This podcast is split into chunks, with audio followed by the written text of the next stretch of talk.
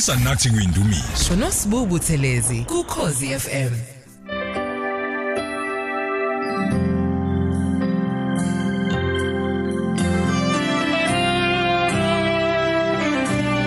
Mzuzu yethu sisikhombisa nje kuphela lishayelekeleli lesi eh, leshumi ihora.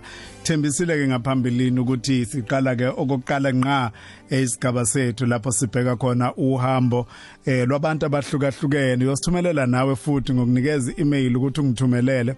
Thumelele sikuze ukuthi ubani ongafisa ukuzwa ngohambo lwakhe. Injongo yethu kakhulu yalolu hlelo kungukuthi ukwazi ukukhuthazeka nawe. Kunabantu abaningi obabonile abanye uzwile ngabo abanye bafunda ngabo.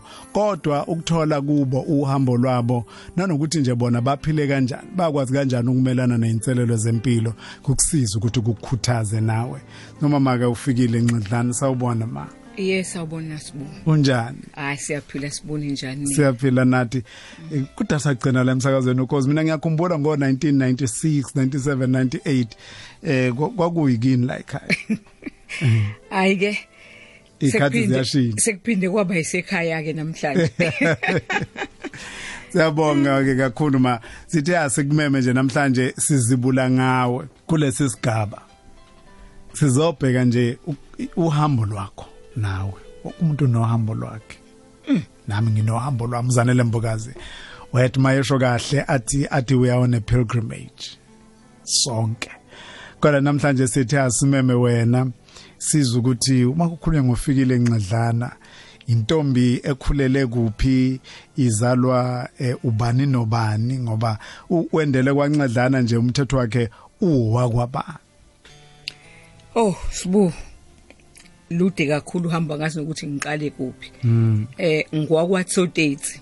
mm Eh ngumaTsoteti. ekhaya ekhaya ku- u- isuthu Isisuthu leso. sibongo sesuthu futhi niyabesuthu ekhaya. Ba sabesuthu. Badabuka ememel. Kodwa ke angazi lutho ngememel ngoba kusho ukuthi bathi mabedabuka lapha ememel bafikele eThekwini eh ngalezi ayikhathi eh, engingafuni ukuphindela kuzona. Lezi khathi la kwakufuduswa khona abantu bahamba osebenza ngoba bebone ngazuthi ah impilo ayiqhubeki mabehleli lapho. Basuka ke nabo bezala. Kepha ke mina ngakhulela la eThekwini ngazalelwa la eThekwini oh uzalwe sebela. Sebela eThekwini ku- kuphi indawo eThekwini? Eh Riverside eh Durban North. Oh. Eh ngiyazi ngiyazi mawukhuluma kanjalo abantu abaningi ba khona abantu abazalelwe eDurban North? Hey. Yes mina ngazalelwe eDurban North Riverside.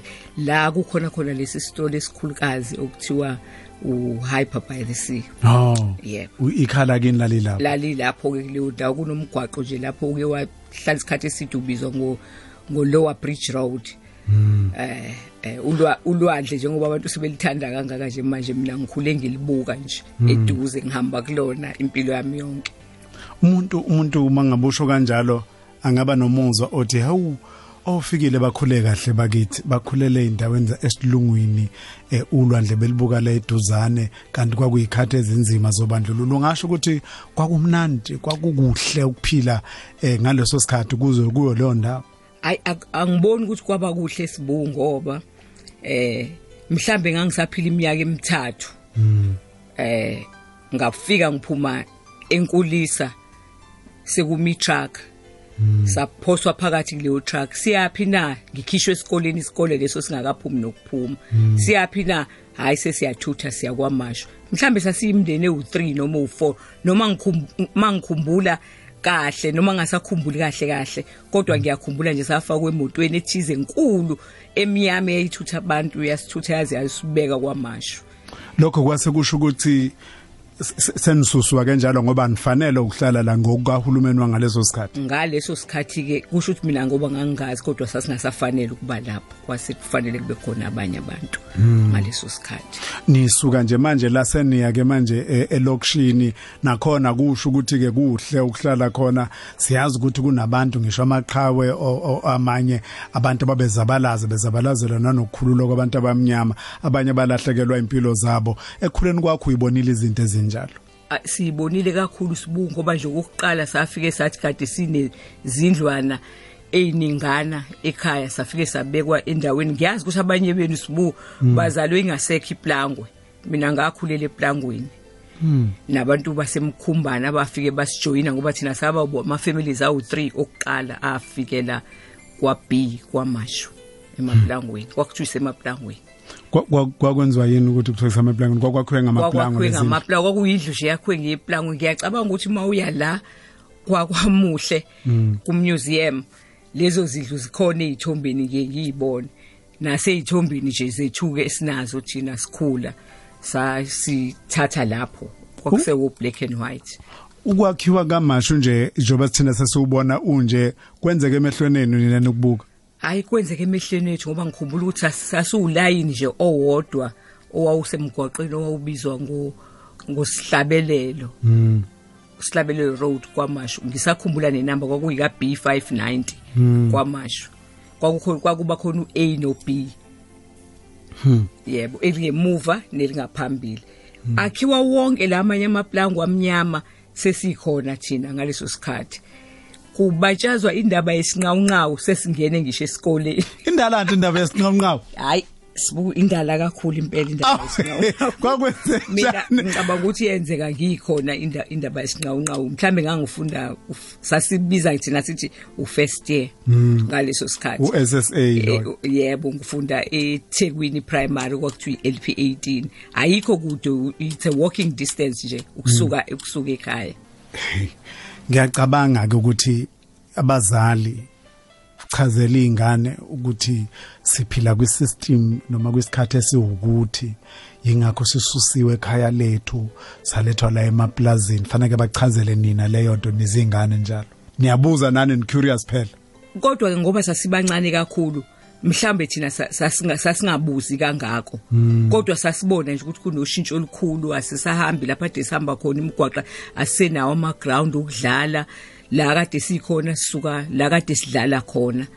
A- asangaqonda kahle ngoba mangicabanga lo nyaka angazi ke abantu sebezokwazi ukuthi mina sengiphile ama decade angaphezulu kwayisithupha. Ngempela. Yebo sibu ngiphila ama decade angaphezu kwesi kwaku I, think kwaku 1958 ngaleso sikhathi sisuswa lapho. La eLP18 ya- yayikuphi indawo khona la kamashu? Ikwamashu kwa B kuthiwa igama lakhona kuthiwa iseThekwini lower primary school. Isekhona namanje leso sikole. N- waqhubeka ngokufunda kwakho? Ngasuka lapho ngafunda e e- esikoleni kwakuthiwa i- i-high primary manje HP4 ebizwa ngokuthi sekusizaneni. La sasiphethwe khona insizwa engicabanga ukuthi idlulile manje emhlabeni ubaba ukhanyile. Eh, kwakuthiwa ushushayini waye umshayi wesibhakela kodwa futhi eku-principal wesikole. Ila saphekwa khona-ke kakhulu uma ngicabanga saphekwa impela kuleso sikole. Ngaleso sikhathi kwase ku-1964 mangicabanga hayi hayi 64 kwase ku-19 eish angisakhumbuli. Kwakuseku-1965 mangicabanga ya 64 65 angisakhumbuli kahle kodwa sathuthela lapho. Kuthe ngaleso sikhathi kwaqala kusho ukuthi kwase kwakhiwa sekuze kwakhiwa ngisho nelokishi i-section yakwa L ngaleso sikhathi abantu abasebemove wakhona besuka eh, emaplangweni beya kwa L ugogo wami ngoba sasihlale sihamba naye njalo siye e- e-office eyothi kumlungu wathi mawungisusa eRiverside wathi mina awuzungibeka la uzonginikeza indlu engangale benginayo. So ngisazobuza namanje azange akhulume lutho umlungu wathi usahamba nalengane yakho namhlanje mntanami nazi inamba. Hamba usiza ugogo wakho umbhekele wasinikeza ama section awu 3 wathi ugogo wami masiphumela ngaphandle wathi ungabe singabe sabheka nokubheka siya kwa D savele saqonda kwa D nje sase sihlala kwa D ke kwamashu ke kuze kube namhlanje lisekhona ikhala kwamashu kwa D sathuthela khona. Emveni kokuthuthela ku two room owenza ukuthi umuntu akwazi ukuya eksizaneni yeah. Ku- ku- kubonakala ukuthi kwakungesona isikhathi esilula ayi kwakungelula impela sibu ngoba wawulalela noma yini lezo show ubasi ubasi mayishinto uyalalela wenze njengobesho mayithi ngikunika lokhu sabonga nje nakho lokuthi sithole kwalo two room manje sesithola no four room. Abantu sebethuthiwe basiwa kwa L kwamasho sihleli ke nofikile nqadlana ungumasto ungumatsotetsi Tsodetsi Tsodetsi Tsodetsi uyamazi ufikile Nxadlana? Uma noma umaze sewufikile Tsodetsi wawufunda naye LP80 noma wawufunda naye HP4 uyamkhumbula? Ekukhuleni kwenu. Uyakhumbula? Lezi zinto ayichazayo? Sihleleke naye kulolu suku lwanamhlanje. Siqala ke uhlelo lwethu esilibiza ngokuthi uhambo. Sibheka ke uhambo lwempilo ekamama ufikile enxadlana kulolu suku lwanamhlanje. Themba ukuthi ukuthokozele nokuzwa nje ukubuyela emuva ukuthi isikhathi njengoba sesikhuluma ngokuba senkululekweni siqhamuka kuphi lapho esiqhamuka khona. Kahle kahle unxedlana noma unxedlana unxedlana. Unxedlana. Ukuthi inxele sithi inxele inxedlana oh ya. elincane. Ya. Yebo inxele elincane. Eh, ngibambile ngibambile ngoba ngizwa abanye bethi un- unxele ubanye bathi unxedlana. Hayi babizi ke kahle ngokomthetho laba bathi unxedlana. Ngi- ngifuna ukuphuthuma ngiye esikhathini sase high school ke manje mase nifika e e high school ngiyazi ukuthi inkunensizwa futhi owahlangana naye. Besikwazi kakhulu hey ebenithandana ngendlela emangalisayo ubaba uncedlana ngijaha ukufika kuleso sikhathi. Yeah hayi kumele adunyiswe ngempela uNkulunkulu sibu ngoba sahlangana okusempeleni sasilokhu sihlangana nje kaningi kodwa singazani ngoba nase primary sabonana. Sifunda first year mina ngifunda first year nefunda second year. Wanyamalala ke futhi ngizothi wanyamalala ngoba ngiphindanga ngambona. Kuthe mase ngifunda u4 eksizaneni ngaphinde ngabona kufika igroup nje yabantu aba aba- ya- yamanye ama students aphuma ap- kwathiwa aphuma eClevelands. Basijoyina unyaka usuqalile kodwa yena efunda futhi iclass ngaphambi kwami. Eh kwase kuthi mase sifunde high school ngiyafika mina kamuva. Qi nangu futhi lo lo mfana. Ible high school. isibonelo high school. Oh, sibonele. yodu Ubuvela uyisukele la ekhaya? Uhambele ngenyawo? Sasiwalka sasiwalka sibuka kakhulu kabi about about 4 kilometers from Oh. what siya e- esibonelo. Mhlambe ngikala kabi ngoba mina ngikala ngokubuka nje angikaze ngiyikala i-distance kodwa sasihamba isikhathi eside Oh, konje sibonele lesi singasemgaqweni. Lesi singasethembalihle. Mina ngigcwele inhlakanipho, hayi inhlakanipho inhlakanipho yakho esibu hayi ngaleso sikhathi ngicabanga ukuthi bese ngumhle ngingazi ngesikhathi kwakhiwa inhlakanipho Yeah. yebo Okay. Lensizwe na- nansi ifika futhi. na nakho mina ngifika esibonelo nansi nayo ikhona ifunda khona esibonelo ibona ke abantu ababehamba i-distance encane ngoba bona babehlala la kwa B eduze banqamule station bangene esibonelo thina sasihamba Akuqhamuke segudli bridge. yebo yebo yebo. Ang- ba- bagudli bavele bangene bona esibonelo kwakukhona nendledlane uyasazi thina abantu abamnyama siyayithanda opotsho kwakukhona upotsho ke ababephuma kona bangene noma bayodlula estation eThembalihle Sif- ngifike mina ngizofunda sasakubiza ngo form 1 thina. Angikwazi kahle ama grades lawa amasha amasha ama grades ngafika yena wayesefunda form 2 at the time. And ufunda naye. Ungaba u7 loyo. Ukusho ukuthi wena ukuthi u6 kushuthi mina ngicabanga ukuthi mina angazi ukuthi yini lokho lokho okusuka e high school bese kuba u grade esuka ingane siye high school I, I'm not too Kodwa sure. kwakunge uform 1 wangakuyena standard 6 mhlambi. u standard 6 ngase ngimenzile Oh, kwa e higher primary standard 6 lezi zinto zaqala amadoda. yebo. Okay. yebo. Kodwa futhi thina sasifunda in extra year. Yebo. So mangifika na ngiyena usefunda form 2 mina ngifunda form 1 ka form 1 niyahlanganiswa nibe ingxube evange nibe baningi nize niqala ukuhlulwa ukuthi uzofunda kuleli class ufunda lo uzofunda kuleli class. Kanjani o A no B. Dala ke kwakukhona lento engangi- ngiyayithanda ngoba yayimotivator yayimotivator izingane ezifundayo ukuthi izingane ezenza kahle zifakwe kwa A. Njalo eh ake nangu ukufunda ufunda uform 2A kusho ukuthi lapho Isiqhenqe sakhona. kusho ukuthi umunye walaba benza kangconywana.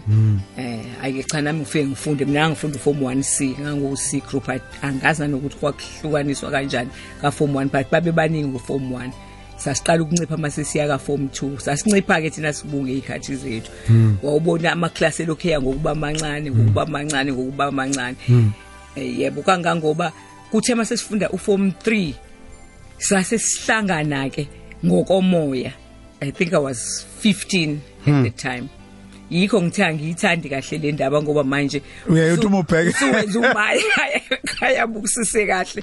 Nezingane zami zithi kodwa thina ubesitshele okunye kodwa yena wenze okunye. 15 years. 15 years. Hayi ke walokhu elandelandele landelandela. Into engakaze ngiyenze. Ngaqala ngaleso sikhathi ngagcina futhi sibuka Ang- angikaze ngiphinde ngiqalaze ngapha nangapha. Lokhu nje wama nomuntu wahlangana nalowa muntu use high school Yebo, kwaze ngise waba high school, yebo. nashada. Ye- yebo sahamba nje saze sayofika e- e- e- emshadweni. Singakafiki kuye sizobuyela sizobuyela emshadweni wenu.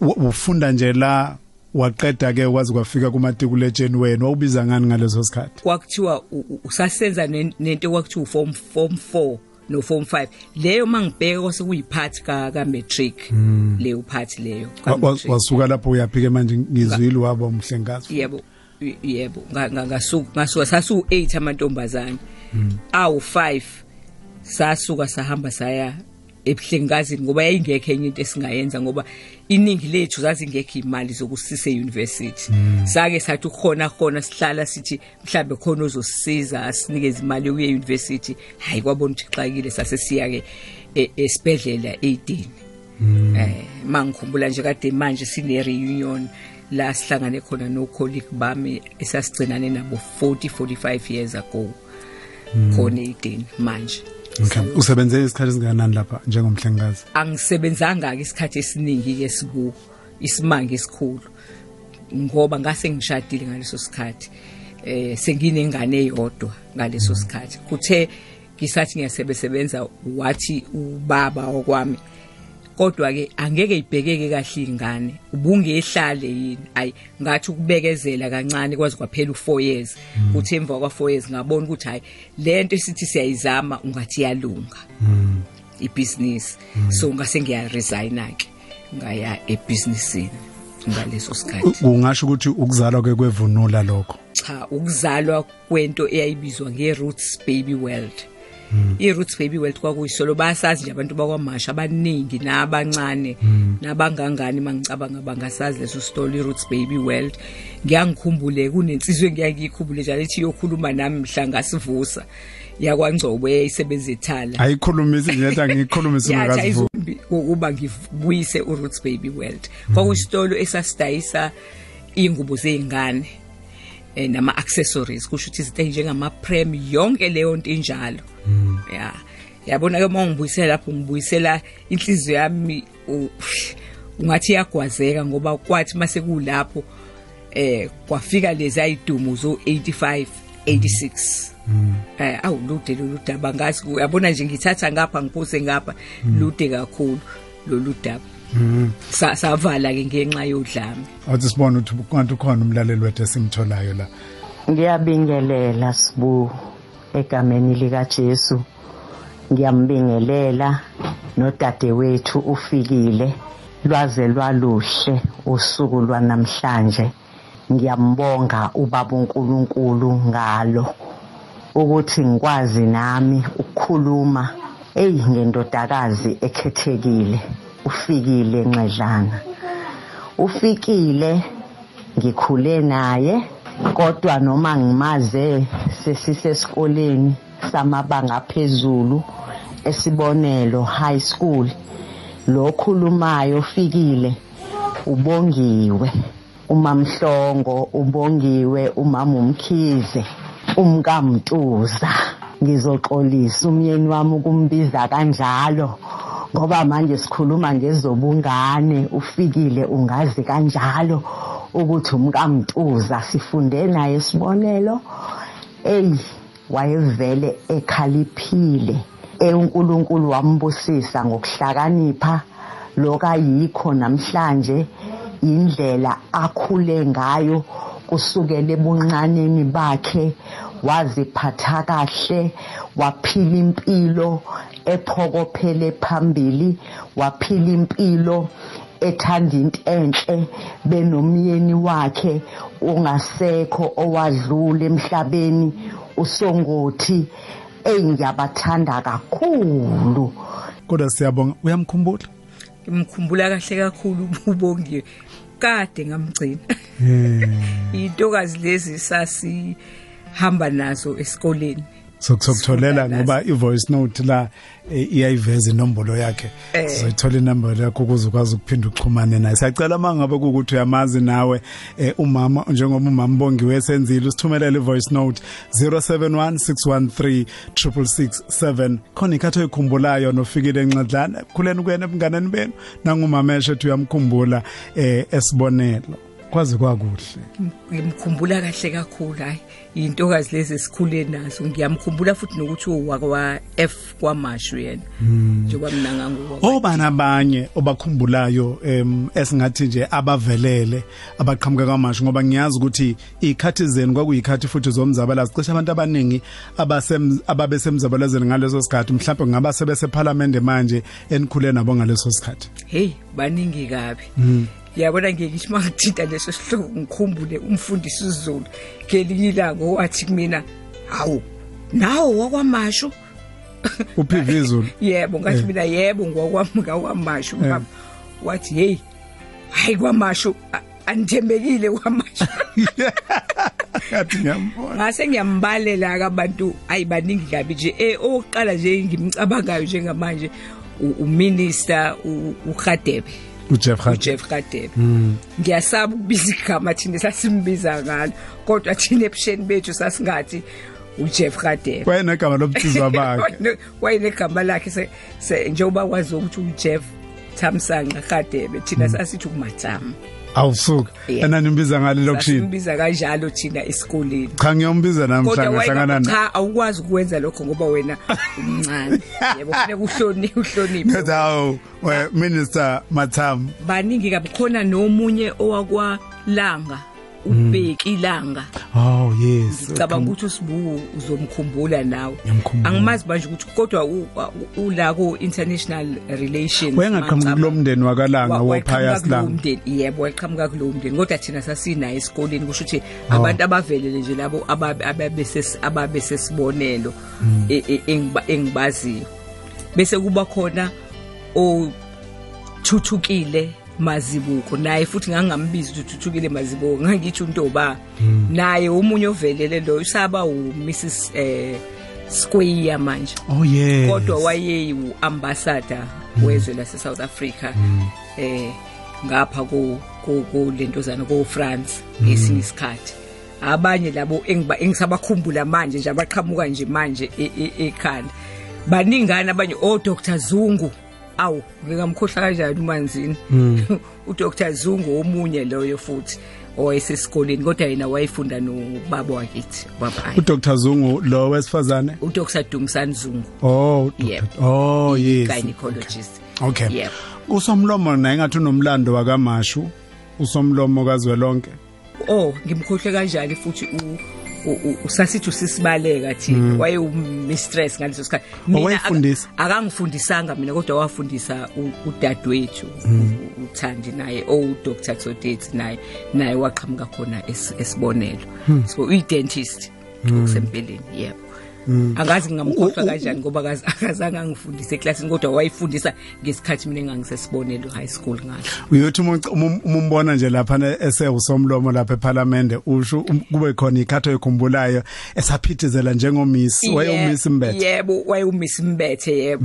Eqoqa ama students angazi ukuthi yini le ababenza ngoba babefunda kwaku- kwakuyilama class lawa angezazi ngiyakhumbula nje udadewethu bona baye baye baqoqa ukuthi kwakwenzekani. Angazi ukuthi kwakusuke kwenzekani kulawo ma class abo. Kodwa nje ngangiye ngimbone eqoqa ama ama- ama students amanye esikoleni. U- uyavela futhi la em u- u- u- ubaba uncedlana njengoba ke wamveza ngaphambilini ukuthi nahlangana naye esikoleni naze naba niyashada. Em nibe nesikhathi esihle. Ngiyanikhumbula nje mina nginibona ngiboka laba bantu abadala abathandana kangaka. Em ubaba ubekubiza ngegama.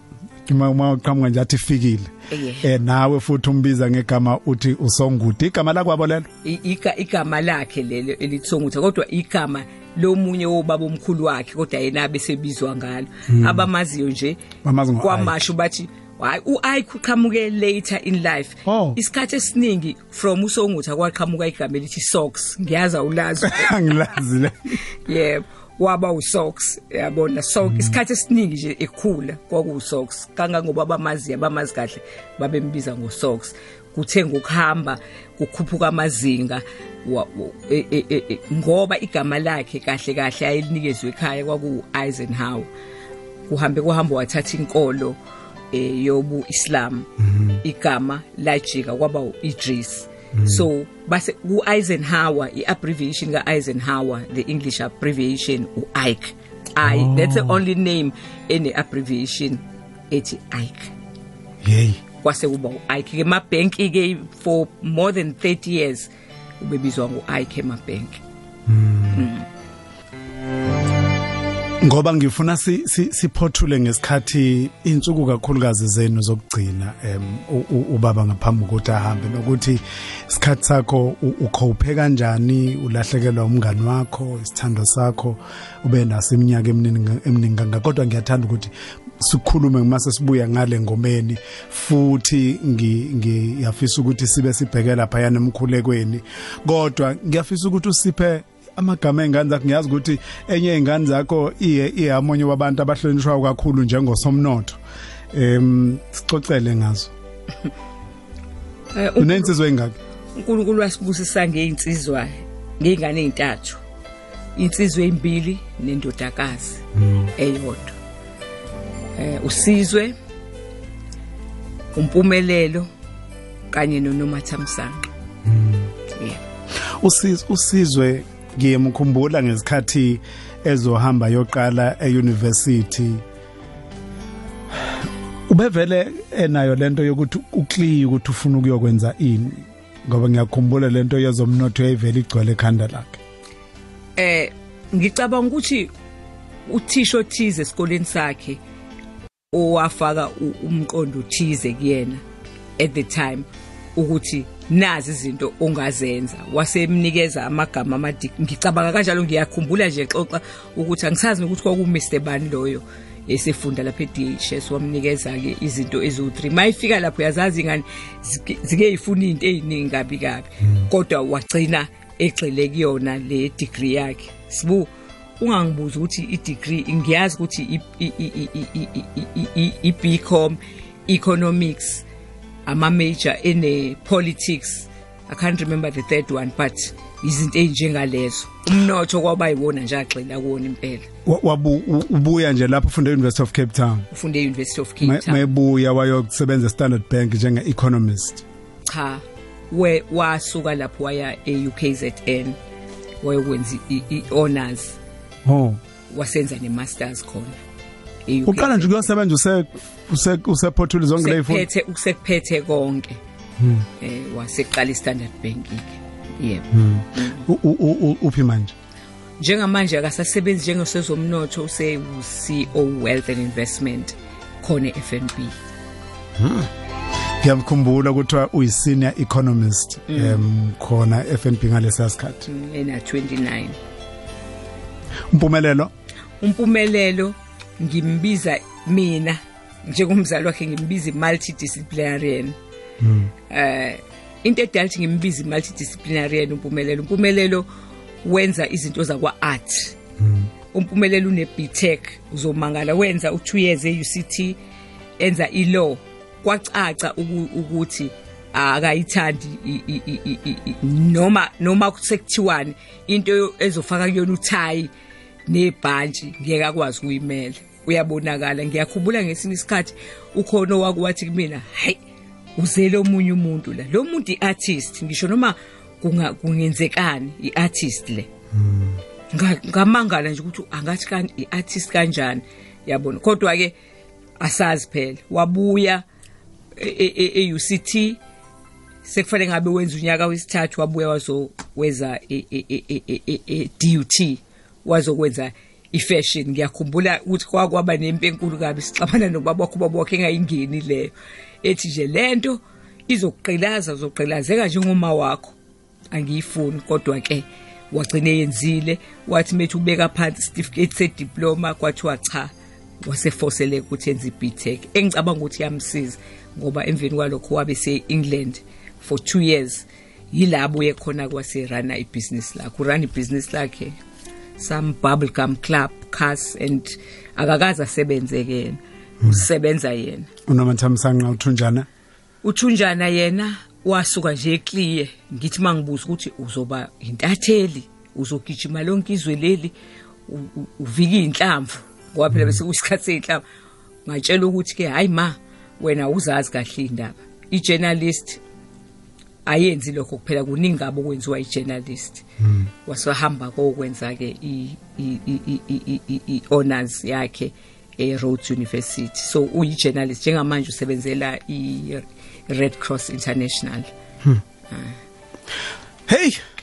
Sikhuluma ke nofikile enqadlana sibheka nje uhambo lwempilo yakhe. Mangabe ulalele kahle qinisekile ukuthi uhleli nje uyasho ukuthi hey uNkulunkulu ehamba nomuntu. Eh kuphileni kwakhe. Hayi sibu okhozini ngelela usisifikile eh umkhuhlane ongenze ngaka ngisho esontweni kanti ngizolalela usisifikile angikhulanga nosisifikile wesibu kodwa usisi esasibukela kuyena thina kwamashu.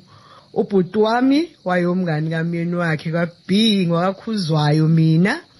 Usisifikile efunda nosistereni lo wami esibonelo bangonesi usisifikile kumanje sabukela kuyena mangihlangana nosisifikile nje unkosikazi kaButsonguta hey safunda olukhulu safunda ukuzithanda safunda ukufunda safunda nje ukuba yile zinto esesizona mina nje okunye ngikho kakubukela kusisifikile ukuzithanda nje kube intokazi yakwabo.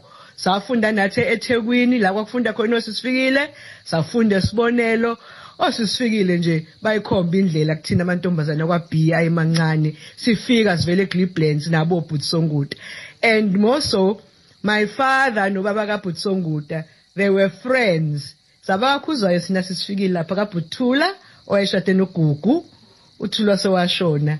Nje iy'nsuku zazimnandi sinani ni-organize ukuthi njalo ngomhla ka-one kiwe emabhishi nisiqoqa sisifikile unkulunkulu akubusise. Siyakuthanda nobhutisonguta siyamthanda lapho khona nabantwana bakho. Nje uyibekile induku ebandla kuthina samantombazana kwamashu kaB siyabonga. Uyeza ukuthi kumnandi kanjani kodwa ukuzwa abantu abakwaziyo? Awu. Bekhuluma kanje. Akumnandi sibu uNkulunkulu muhle sibu. Ngoba uyawuthi uyihambela uzenzela izinto ngendlela oyenza ngayo. Kanti abantu bayabuka basikiphethini uyawukhumbula lo mndeni? Lo umndeni ngikukhumbula kahle kakhulu. Noma undodakazi kungasamkhumbuli kahle. Ngicabanga ukuthi ngamkhumbula mangimbona kodwa ogugu khuzwayo ngiyabazi bona kakhulu. Okay. Ngoba sesibheke emaphethelweni ngiyafisa ukuthi ngaphambi kokuthi siye kuba umfundisi ukhomo usicocele ngokusungulwa. Mina ngihlangane nawe usu usunebhizinisi elibizwa ngokuthi Vunula School of Fashion Design. Em ngiya- ngi- ngi- ngizwile ngesikhathi ukhuluma ngompumelelo nokuba kwakhe kwifashion uba bethi hayi angifuni ukuthi eh, athwale kanzima njengawe. Kwakungelula. Ungasho kanjalo? Ngingathi ngathini bu- sibu noma yipi indlela oyithathayo a- uyawuyithathe nje ngekhanda. Ayilula ngoba namanje sisayidonsa sibu ngoba i-aim yami ukufundisa abantu besifazane bazi. Isekhona ivunulo ikhona we are accredited by the uh, textile sita eh siyafundisa abantu eh njengoba nje ngikhuluma nawe. Si sifundisa abantu yonke ulwazi. As long as into engijabulisayo mina sibukubona umuntu wesifazane ezimele kungathi makwenzeka noma yini ukukhubeka endleleni angakwazi ukuyimela umuntu wesifazane. Abukhala bambelela ikhanda kube kuphelile ngempilo yakhe. Yikho ke kwavulwa ivunulo ivunula ngayibuka ngesikhathi ngisebenza kuma psychiatric eh, eh nursing services. La eThekwini ngibuka ubuphofu babantu besifazane. Ngazibuza ukuthi i-roots ngiyivalile manje yini enye engingayenza? Emveni kwe-roots eng- engathuthukisa abantu besifazane. Kwase kuzaleka ke ivunulo school of fashion design. Lasihleli ke nomama ufikile enqidlana sibheka nje uhambo lwempilo yakhe. Siza ukuthi bathina abalaleli ku voice note? Eh sanibona ukhosini eh, usibusiso shabalala lo okhulumayo. Ngiyajabula ukuzwa umama ufikile. Eh mama ufikile mina ngilo amfana loya wakwashabalala opposite nesitolo senu yestation kwamashu lapho kwakukhandwa khona okhiye nezicathulo ngiyajabula mama ukuzwa ukuthi hawu usaphila ngempela eh cha kuyintokozo enkulu kumina i hope uyabakhumbula abantu bakwashabalala khona esiteshini kwamasho Sawubona sibona ufikile. Ngiyajabula ukuthola leli thuba. Ngiyambonga uNkulunkulu ngokunika leli thuba lokuthi ngikwazi ukukhuluma nami nani. Ufikile ngiyamazi ngama late 70s. Eh sasifunda sonke high school esibonelo.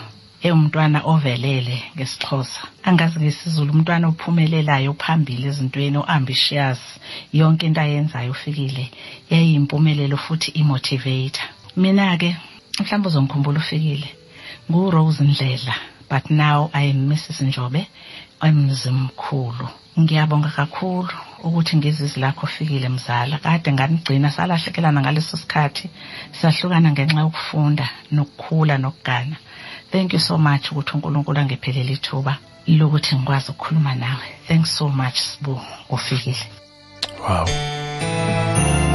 Siyabonga kakhulu kubalaleli bethu.